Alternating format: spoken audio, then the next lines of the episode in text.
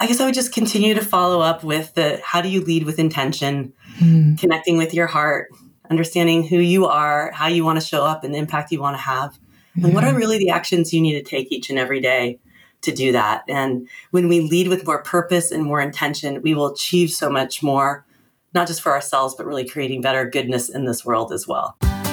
Welkom bij de Lean en Leiderschap Podcast. Ik ben Esther Schuurmans. In deze podcast spreek ik over leiderschap en continue verbetering. Ik neem je mee in mijn persoonlijke ervaringen van de afgelopen 25 jaar als facilitator, trainer en coach op deze gebieden. En ik ga in gesprek met inspirerende leiders en medewerkers van de werkvloer over hun lessen tijdens het creëren van een continue verbetercultuur. Ik wens je veel luisterplezier.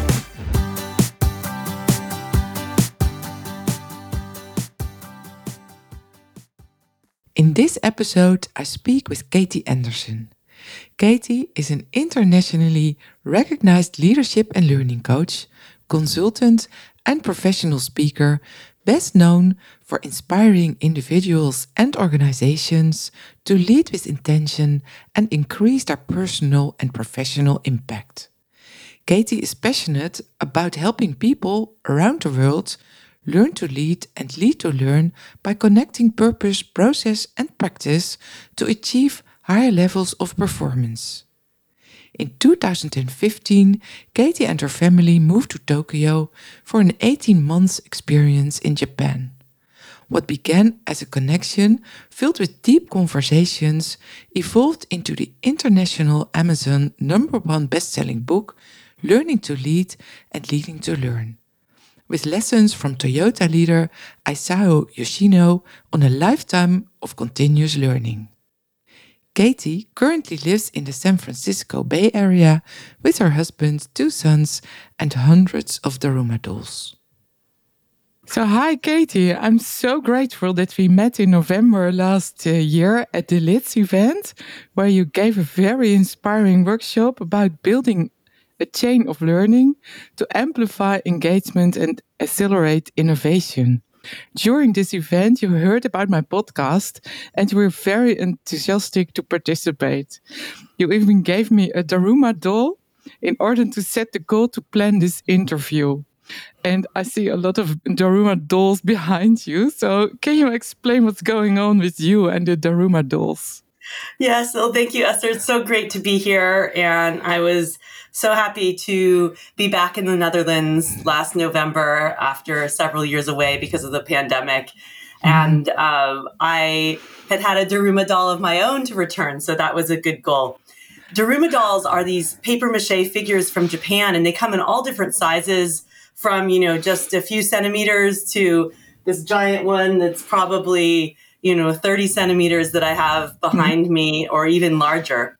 And they uh, serve a few purposes in Japan. They are a visual reminder of a goal that you set. And so the, the Darumas come with empty eyes with no pupils. And when you have a goal, you color in the, the pupil of the left eye and it sits there as a visual reminder of you of your goal.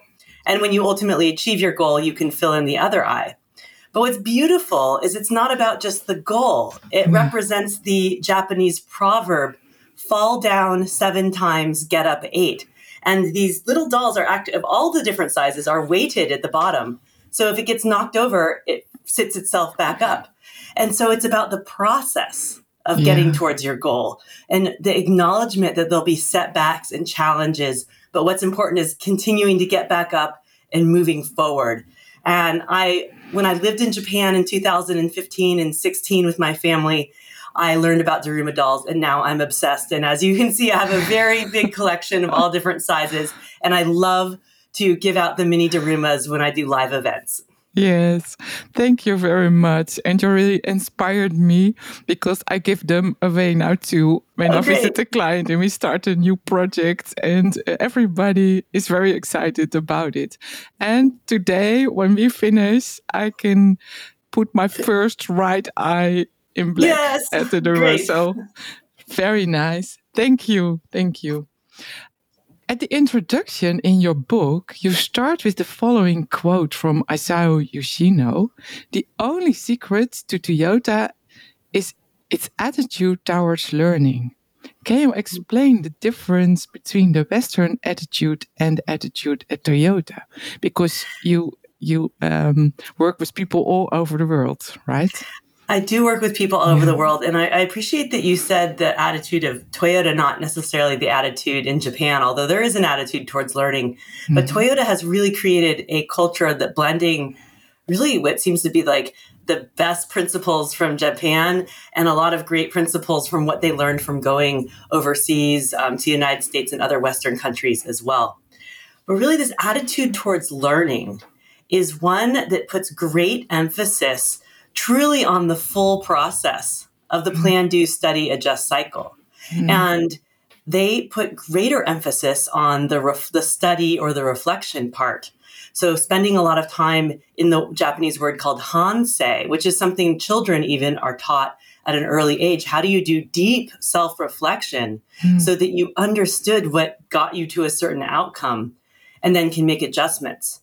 And what I see is the difference in Western cultures is we are so focused on doing and yes. moving fast. We are do, do, do, maybe a little plan, plan, do, plan, do, but a lot of doing. And if we do any, you know, study or check, it's very surface level and almost like we check the box and then we don't do much with that information. We just keep going on doing. Yeah. And so the secret at Toyota is they really spend a lot more time both in that reflection and developing people's capabilities to learn and contribute to solve problems at all levels. Whereas mm-hmm. in the West, we feel like we're moving too fast to have time to really truly focus on people development, and yeah. certainly too fast to do much of any reflection. Yeah. And that's uh, on a personal level and also within teams and also within organizations. Absolutely, at all at yeah. all all the different levels. Yeah. Uh, you know, if we when I talked to Mr. Isao Yoshino, who's the subject in my book, this 40 year Toyota leader that I had just the great privilege of getting to know and now is one of you know such a close relationship in my life. He always talks about how you know they plan intentional time for re- reflection into their process yeah. You know, so they see it as a priority. It is part of the process, um, yes. not just the doing. You know, sometimes we get to the outcome and we say, "Oh, how did we?" You know, end of the year, "Oh, how did we get there?" But yeah. they've built in t- intentional time for individuals to do reflection, for teams to do reflection, and also for the senior level of the organization to be doing reflection of what's going across the system. Yeah. And reflection, so there's a purpose to be able to make adjustments and take action to course correct. Yes. Okay. Yes. Plan plan actual uh, real time to reflect, and that's mm. that's what not yeah done here mm. in a lot of companies. Yeah. No, right. We right. maybe say, oh, what did you know? What did we see? What did we do? Yeah. Um, but not really getting into the thinking and the assumptions and that deeper level. Yeah. Um, I teach a deeper reflection process um, in a lot of the work that I do because it helps us you know realize oh my gosh we're not even getting we're staying so surface in our reflections. It's yeah. you know maybe a little helpful but not really getting to what's driving our thinking pattern and our mm. actions which leads to the results. Yeah. And um how do you do the reflection yourself? You know a few different ways. I when i was get first starting to build a bigger better habit of reflection i did spend time writing down every day, a mm. few observations. I don't do that as much anymore, mm-hmm. but I do make sure that I have intentional time every week mm-hmm. to at least look about like what what happened, what do I need to do, what adjustments do I need to make? And I also have created the habit of what I call like a micro re- reflection mm-hmm. of when I've come out of a meeting or a work session or even doing something with my kids. Huh, how did that go? Did I show up? The way I intended to do. Yeah. And and like what was that about? And so I've sort of built in this like micro self-reflection moment. And mm-hmm. even though I might not be writing it down, mm-hmm. I'm I've I've learned to slow down and have that purposeful um, that purposeful reflection time as well as setting my intention earlier um, yeah. before I go into something. It's a good tip for the listeners uh, that everybody can start doing immediately. Mm. Uh, build this habit to reflect um, every time you get out of a meeting, for Yes. instance, or Yeah. every day uh, reflect on what happened today and what can I learn from it.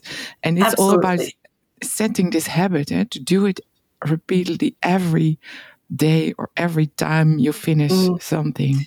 Great. Yes, and, and Yeah. to, it's do both. You know, set your intention. I call it taking an intention pause. Like, what's my purpose in this Mm. upcoming interaction, and what are the actions that are most going to align with achieving that purpose? And then quick reflections. How did I do? Yeah.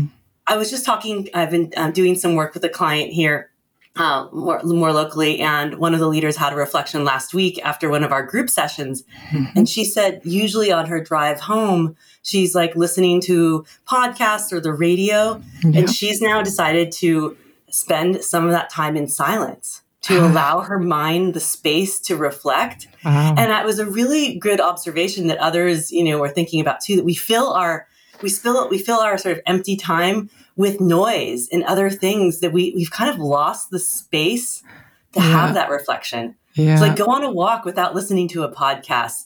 Be in your car for a moment without, you know, filling it with music, and you will Mm. find that reflection does happen. Yeah, great, great. Thank you. We make things through making people. It's a Mm. fundamental leadership principle at Toyota. Yes. And how is this different in Western countries from Toyota from your point of view? Yep. So they, you know, there's um, uh, monozukuri, which means making things, and hitozukuri, which means making people. And I, you know, Toyota has this great emphasis that we de- like the first and foremost is we develop people so that we can make great things, right? Mhm. And I think it's flipped in Western cultures that we focus much more on the making of the things Yeah, and the developing people is more secondary. It's sort of an optional thing or Yeah. a nice to have, where it is the enabler at Toyota Mm, um, about how they will achieve their result. So it's not that they don't care about the, the monozukuri, about the making things and creating No. value for their customers. They really, truly do. yeah, But they believe that will be the result of investing in developing their people. Yeah, And so I think it's just, it- it's sort of a flipped mindset in Western Yeah. cultures for the most part. yeah. It's just the other way around. Yeah. Mm. Okay. In your book, you describe eight lessons, eight key lessons about people centered leadership. And I want to talk to you uh, about some of these uh, lessons. And the first lesson is uh, communicate purpose every day in every way. And how do you do this yourself?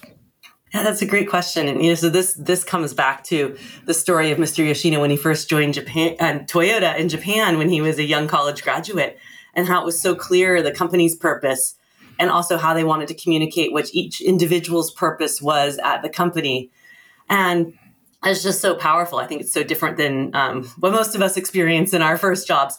But how I do that each and every day is really goes back to um, what I what I described earlier with this intention pause. And to me, intention is really heart plus direction. So, what's your purpose, Yeah. either on the whole or in that moment, and what are the actions you need to take to align in that direction?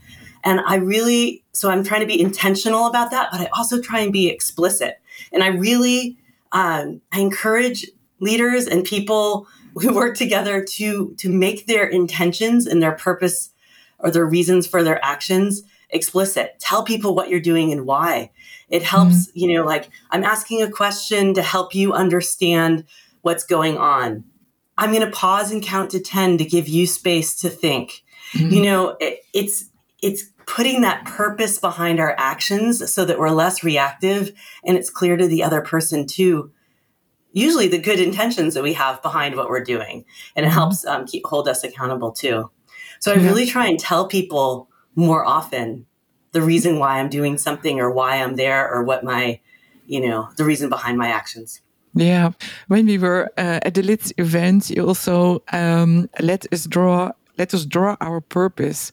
Yes. I think that was also a great exercise because visual management is so powerful. So that inspired me as well. It is. That's a practice that I learned from my dear friend Karen Ross, and it's one that I've incorporated into all my work because it is so powerful and how rare for us to spend some time doing some drawing and we it unleashes a creative side of us that maybe just writing in words doesn't do. So it's a great exercise. Draw your purpose, yeah. share it with others. Yeah. Um, and, and you'll see that we all have these unite, you know, when we did this experience together in November, and this happens across the world, there are uniting themes when we all t- sort of draw our purpose or talk about our purpose. It's about helping other people. It's about mm-hmm. community, family, sort of yeah. human connection.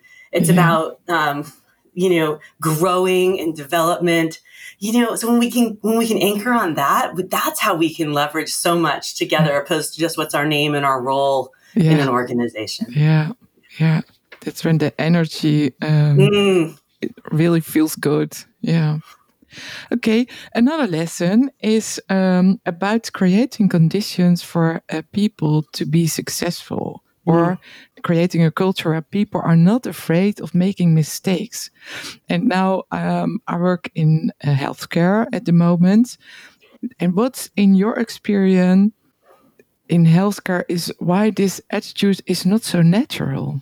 Mm. Do you agree so, even? So I, you know, I came from healthcare as well. I have a master's in public health, and I mm-hmm. started learning um, continue, practicing continuous improvement for a decade as an internal practitioner in healthcare and hospital systems. So I have a lot of experience with this as well. You know, I in places where there's high risk for when yeah. there is a mistake.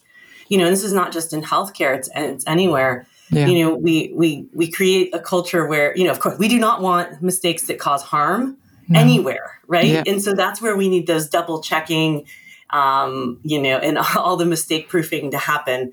And, you know, we don't want to have um, take more risk or experimentation in those types of situations.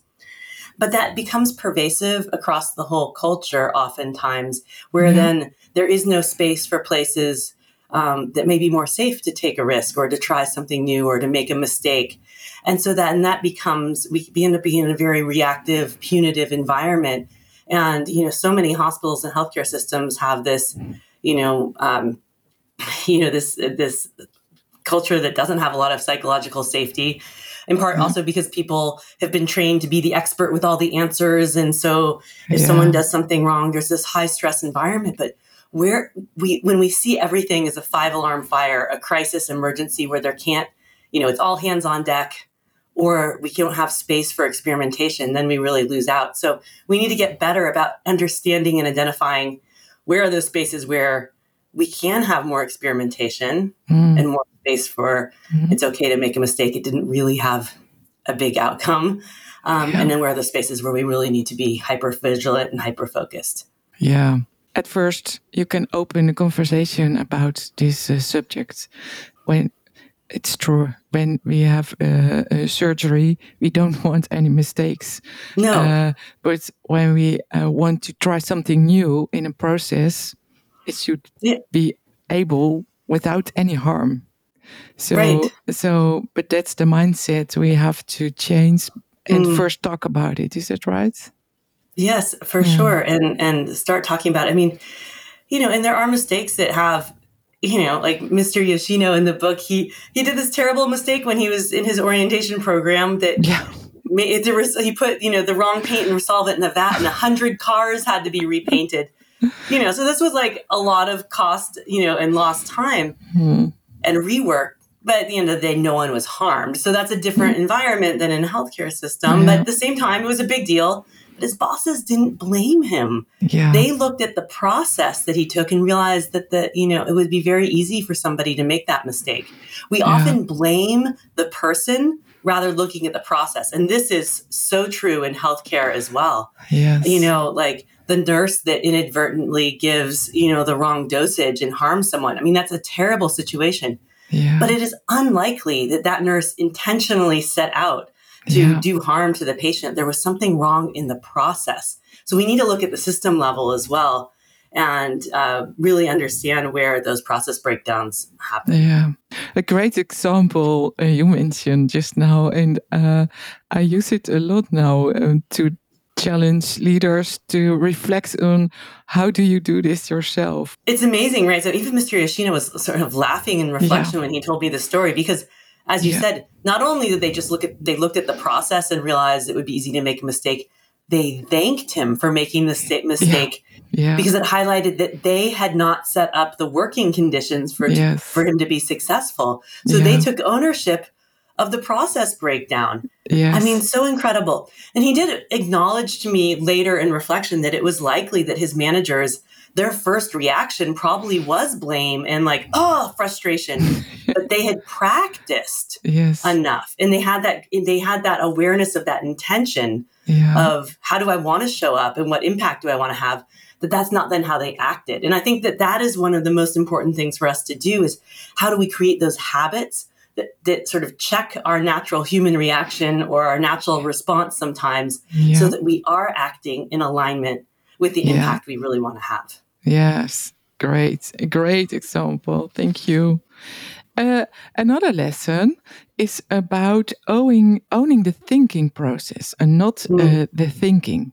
Can you explain what you mean by that? Yeah, so you know, so often, and I mean, this is my, my my experience as well. You know, we're we are rewarded through our careers and through our education for coming up with the right answer and ha- you know being a great thinker and a great problem solver and a great achiever.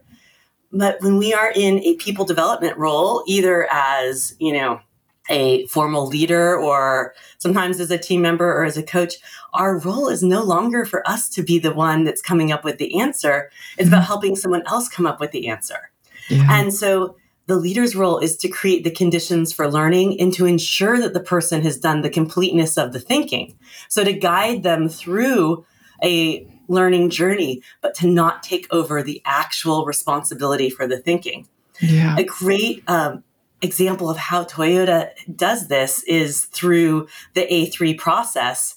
Mm. Which is A3 is a tool that's the size of paper that is for you know many different formats, problem solving, strategy, you know status updates. But it's it's a one document where someone shows their thinking, and the responsibility of the manager is not to go and like do all the problem solving to do the thinking, but to Mhm. ask the questions, to help teach and guide someone if they don't know the next Yeah. step to take or say how to show their data analysis yeah. um, and that but they have to sign the document with a stamp called a hanko which is like their japanese version of their signature at the end and Yeah. that's their sign off that they oversaw the yeah. process of the thinking but the person who did the actual writing of the report did the you know did the report and it's Yeah. a great you know way of showing that responsibility of the leader to be the coach and Yeah. to develop somebody but to still hold that ownership for the thinking process yeah. with someone else Great, great.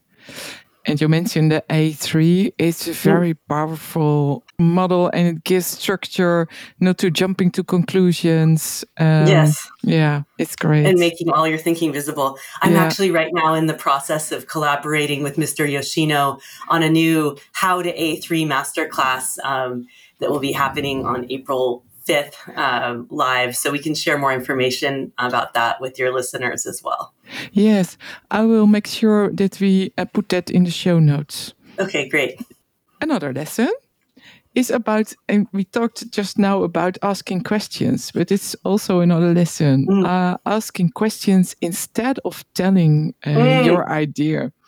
And Yeah. well, will you tell me why is that so important? Yes.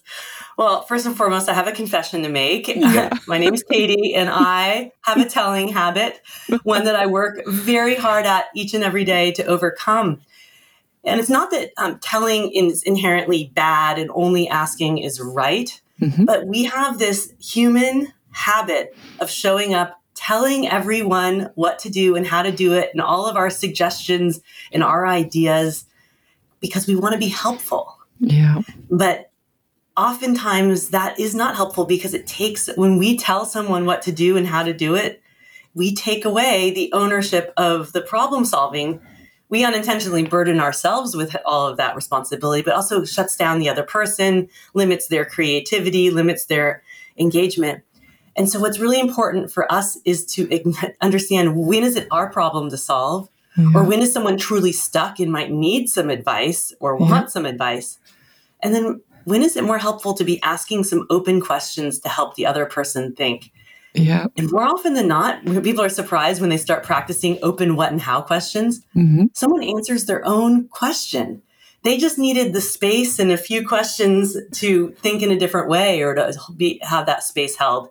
And so, if we can shift from having this telling habit all the time to showing up with more of an asking habit, we'll find mm-hmm. that people are much more engaged. Mm-hmm. We have many more solutions that are generated, and we have a lot more engagement in our organizations as well and at home. Yeah. yeah. yes. Okay. And I, I can remember in November you also gave gave us time. So when you ask a question, then give uh, somebody else yes. time to answer and yes we need to pause yeah count to 10 give them space you know how, how often have you heard like someone like so do you have any questions okay no we move on yeah Okay, first, that was a closed ended question. Do you have any questions? I've learned from my mentor to ask, What, if any, questions do you have? And then pause. Yeah. The pause is uncomfortable. Count yep. to 10. And you will be surprised. People come up with questions on count seven, eight, nine, 10, or comment. Yeah. And so to deal with that discomfort, tell people what you're doing and why. Go yeah. back to the labeling, describe your purpose. Like, and I do this too in my workshops. I'm like, I'm counting to 10 to give you space to think. Yeah. And then people understand and they get used to it. So we have to get more comfortable with the pause and not make the assumption that people need us to fill the space just because they don't have an immediate answer. Yeah. Yeah. yeah. It's one of the big the open-ended questions and the pause are two of the most important things that we can if we can make those subtle shifts. Yeah. It's so powerful. The impact is like huge. Yes, So also we are a great tip for uh, for the listeners uh, to start with this immediately. Yes, yeah, this, or, that you can bring that in immediately. And beware, yeah. though, sometimes we think we're asking questions, but they're really our idea with a question mark on it. Like, have you thought about my great idea? Yeah. So be cautious about that. Real open questions. Real yeah. open questions that don't assume an answer in there. Yeah, yeah. It's yeah. the trick. It's you'll you'll be surprised to how many leading questions you'll just hear all around because we're all unknowingly advocating for our ideas yeah. out and about rather than asking real genuine questions. Yeah. Great, great. Yeah. The, the last lesson, lesson eight, is uh, about set the tone for the culture you want. Mm. Can you give an example from your own experience how yeah, this works so the, for you? So this, uh, you know, this story came from Mr. Yoshino being really surprised, and he was, you know, still a young, a young man, and he was helping the president of all of Toyota write his, you know, annual speech to to everyone, and the president wanted to include a comment about the importance of safety at work, and he, he they were like, well, that's not really like what should be the level of your speech, and he said yeah, but safety is like so important. So I want to communicate that.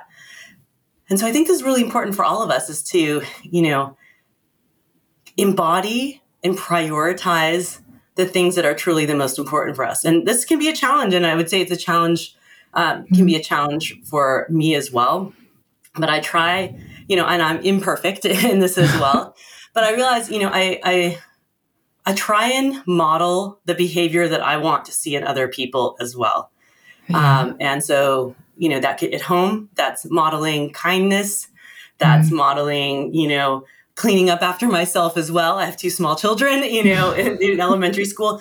Do like not just telling people to do, but like sh- as Mr. Yoshino say, show your back. So you model yeah. the way. Yeah. And at work, we need to do the same things. If we're trying to create a culture of continuous improvement, a culture where we're more asking than telling, a culture that's not blame. How yeah. are we showing up? Yes. And it's okay that, you know, and if we mess up and we're imperfect, apologize or describe what was going on and be that human that like model the way from a human standpoint. Yeah. But it start all the culture we want starts with us. And that yeah. doesn't matter if you are like a senior leader or you're, you know, a team member. We all have a sphere of influence and so yeah. model the way and show up, and through that, you create the culture you want. I have a great, um, some one of the things, exercises I do is encourage people to write their leadership credo or their personal credo, which are what are those behaviors and actions that are most important to them and what they want to create in their environment uh, and share it with other people. Yeah, great. I see a lot of organizations where you know the senior executive says oh yeah we want this culture of continuous improvement but it's like everyone else out there should be doing it but mm-hmm. they don't have a coach or they're not necessarily like they're you know they like the idea but not necessarily what shifts they personally need to make as well the organizations where the leaders imperfect but practicing and trying to you know, model those behaviors and learn them too are the ones that really accelerate and are really going to be able to create those true cultures of continuous improvement. Yeah, yeah. Lead by example. Mm. Yeah, great. Um, all right, thank you. Another question What is the biggest challenge uh, these days of organizations mm. regarding re creating a continuous improvement culture, according yeah. to you? You know, I think there there are obviously a lot of different areas, but what the one that keeps coming up in the, my work with so many different clients and in discussions is the sense that we don't have time. Mm. We don't have time to reflect. We don't have time to ask questions. We need to do, do, do. We we're in crisis all the time. Mm. But we're not truly always in a crisis. I mean, we did come out of a crisis, especially in healthcare, you know, during yeah. the pandemic. It truly had to be everyone just pitching in, doing the things. But we, if we are in that crisis mindset or that do, do, do all the time, we will never come out of it and never really create people's capability and capacity to solve problems at all levels. And so we sort of, it's a self fulfilling prophecy. So we need to get out of that mindset of we don't have time yeah. to develop people. We don't have time to reflect. We don't have yeah. time to do this. We just end up putting band aid solutions everywhere. Yeah. So to me, that's the bit, that's the biggest, uh, the biggest challenge. And I'll just say it's the perception that we don't have time. Yeah. The perception yeah. that we don't have time. Yeah. Great. Yeah. Great. So, and I would say out of that, like, it, it, does feel insurmountable at times, but break it down. What's one, like, what's one more question you could ask today? Yeah. Does that answer have to happen today, or could someone have two more days to go explore and do some more thinking? Start small, yeah. and through that, it builds. Yeah. yeah, and also with the time, what what time can you make? Right. What can you do in 15 minutes? So yes. I don't have time for a reflection. Okay, five minutes a day. Yeah. Like, what can you do? Yeah. So we get, yes, and this is something else I learned from my wonderful friend, Karyn Ross. It's like getting out of this mindset of we can't, it's so overwhelming. What's one thing you can do? Yeah. And if it's five minutes, 15 minutes, something small. And yeah. it's the accumulation of the small things that will, will lead to the change. Yeah. Yeah. Great. Um, a last question What are the biggest pitfalls for leaders when it comes to continuous improvement? Mm, well, I think we've already ta- you know, yeah, touched base on, on yeah. some of these. You know, uh, I'll get back to, you know, obviously the sense that we don't have time. Yeah. Um, there's a few. One is that we don't, as leaders, have we really set clarity of direction? So in the in leading to le- learning to lead, leading to learn, I say a leader's purpose is threefold and it's set the direction, provide support, and develop yourself. Mm. And we need to focus, leaders need to focus on all of these. But often, have we really set the direction? Is there clarity of the goal or the challenge of what needs to, of the true priority, not the priorities we have to like? Are we asking people to do too many things? Is hmm. the target clear? Is the expectation clear? And that's a leader's responsibility to do. And then secondly is around the providing the support. And we've already talked about that. We often think we don't, um, we're so used to coming in with the answer and ex, you know our expertise. It's hard to let go of. There's a place and time for to show up with the answer or our expertise, and there's a place and time to be cultivating that of other people. And so, that's another real challenge for leaders um, is to learn how to navigate those continuums. Yeah. So those are the biggest things, and then making sure that you're starting with yourself. You know. Yeah. All right.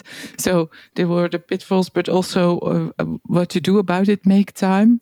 Yes. Um, be clarify the direction, yes. and then uh, set the direction, give support, and develop yourself. Yes. And your team. Yes.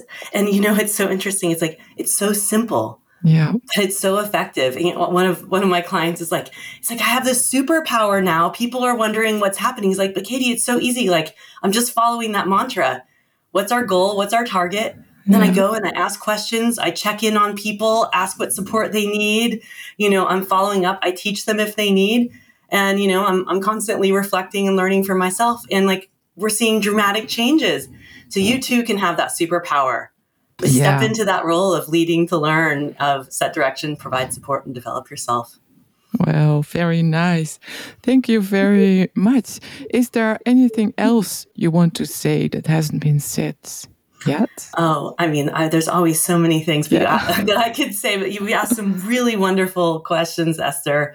Um, and, you know, I just, I guess I would just continue to follow up with the how do you lead with intention, mm. connecting with your heart, understanding who you are, how you want to show up, and the impact you want to have, yeah. and what are really the actions you need to take each and every day to do that. And when we lead with more purpose and more intention, we will achieve so much more not just for ourselves, but really creating better goodness in this world as well. So um, slow down and connect with purpose, and the rest will follow.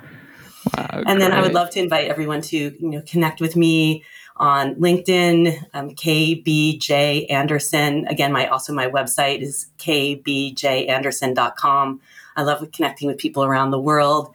And if you haven't already read the stories of Mr. Yoshino's learning from success and failure and all of his 40 plus years of wisdom and learning to lead, leading to learn, um, I highly recommend that you do. It's one, one of my life's greatest honors and privileges to write the book and um, share his wisdom with so many people around the world. Yeah, thank you. It's a great book. I uh, really can re recommend everybody to read it. And I will make sure all this information is in the show notes. Thank you very much. I'm very grateful that you wanted to talk uh, to me in this podcast. And well, I hope to see and talk to you yeah. again. Yes, me too. Well, I have I have a Daruma that was given to me in the Netherlands in November, and I have a goal set to return to the Netherlands, if not this year, early next year. So hopefully, I'll be filling in that eye sometime in the next twelve months as well. Uh, it's very great, very yes. great. Okay. Okay. Thank you thank so you, much, Katie. Bye bye. Een frisse kijk op kwaliteit door de bril van Esther Schuurmans. In dit inspirerende interview met Kate Anderson heeft ze het over de A3-methodiek. Een methode die structuur biedt aan verbetertrajecten. Een zeer krachtige tool om jumping to conclusions te voorkomen.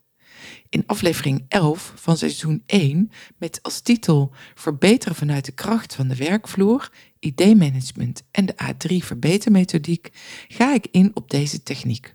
Dus wil je hier meer over weten? Luister dan deze podcast nog eens terug.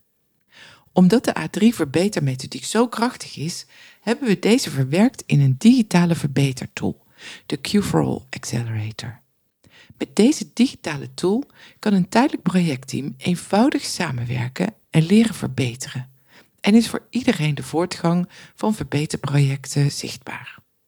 De tool draagt positief bij aan de ontwikkeling naar een lerende organisatie. Wil je hier meer over weten? Neem dan even contact met me op. Ik laat je graag een demo zien. Katie benoemt ook de PDSA-cyclus, wat staat voor Plan, Do, Study, Act. Dit is het zusje van de PDCA-cyclus. De PDCA-cyclus staat voor Plan, Do, Check Act en is ook bekend als de Deming Circle. Het is een veelgebruikte kwaliteitscirkel om continu te verbeteren. In de planfase formuleer je wat je wilt bereiken. Je stelt een doel. In de doelfase voer je acties uit om je doel te bereiken. De checkfase gaat over het vergelijken van de werkelijke resultaten met het doel. Op basis van de evaluatie stuur je bij in de actfase. Als je doel bereikt is, kan je de cirkel opnieuw doorlopen met een nieuw doel. Als je doel nog niet bereikt is, dan bepaal je extra maatregelen en doorloop je de cirkel opnieuw. Deming wilde de C van check vervangen door de S van study. Check zou namelijk kunnen insinueren dat het gaat om afvinken, als een momentopname. Met het begrip study wilde hij meer focussen op het leren van verschillen tussen verwachte resultaten en de werkelijke resultaten. Herkenbaar is de opmerking van Katie over de focus op do, do, do, do, do of plan, do, plan, do, plan, do in onze westerse maatschappij. Ik kom dit in praktijk vaak tegen. De uitdaging zit in het plannen van tijd voor de study- en act-fase. Oftewel, inbouwen van reflectie.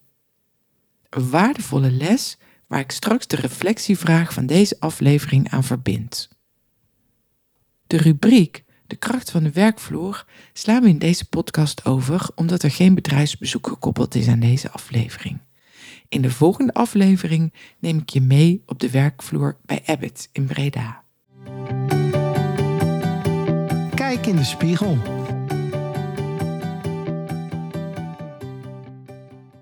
Ik heb drie vragen voor je. Wanneer neem jij tijd om te reflecteren? Hoe reflecteer je? En als je de PDSA-cyclus doorloopt, hoeveel tijd besteed je dan aan de studiefase? Ik ben benieuwd naar je inzichten. Laat het me vooral weten. Dat kan via de mail of via LinkedIn. Als je interesse hebt in meer informatie over lean en leiderschap, kijk dan ook eens op de website qualityforall.nl. Hier vind je gratis downloads en actuele data over de gratis online Lean Leider Experience. Linkjes vind je in de show notes. Dankjewel voor het luisteren naar deze aflevering. Als het voor jou van waarde was, dan kan je me helpen om steeds meer mensen te inspireren door de aflevering te beoordelen met sterren op het kanaal waarop je luisterde.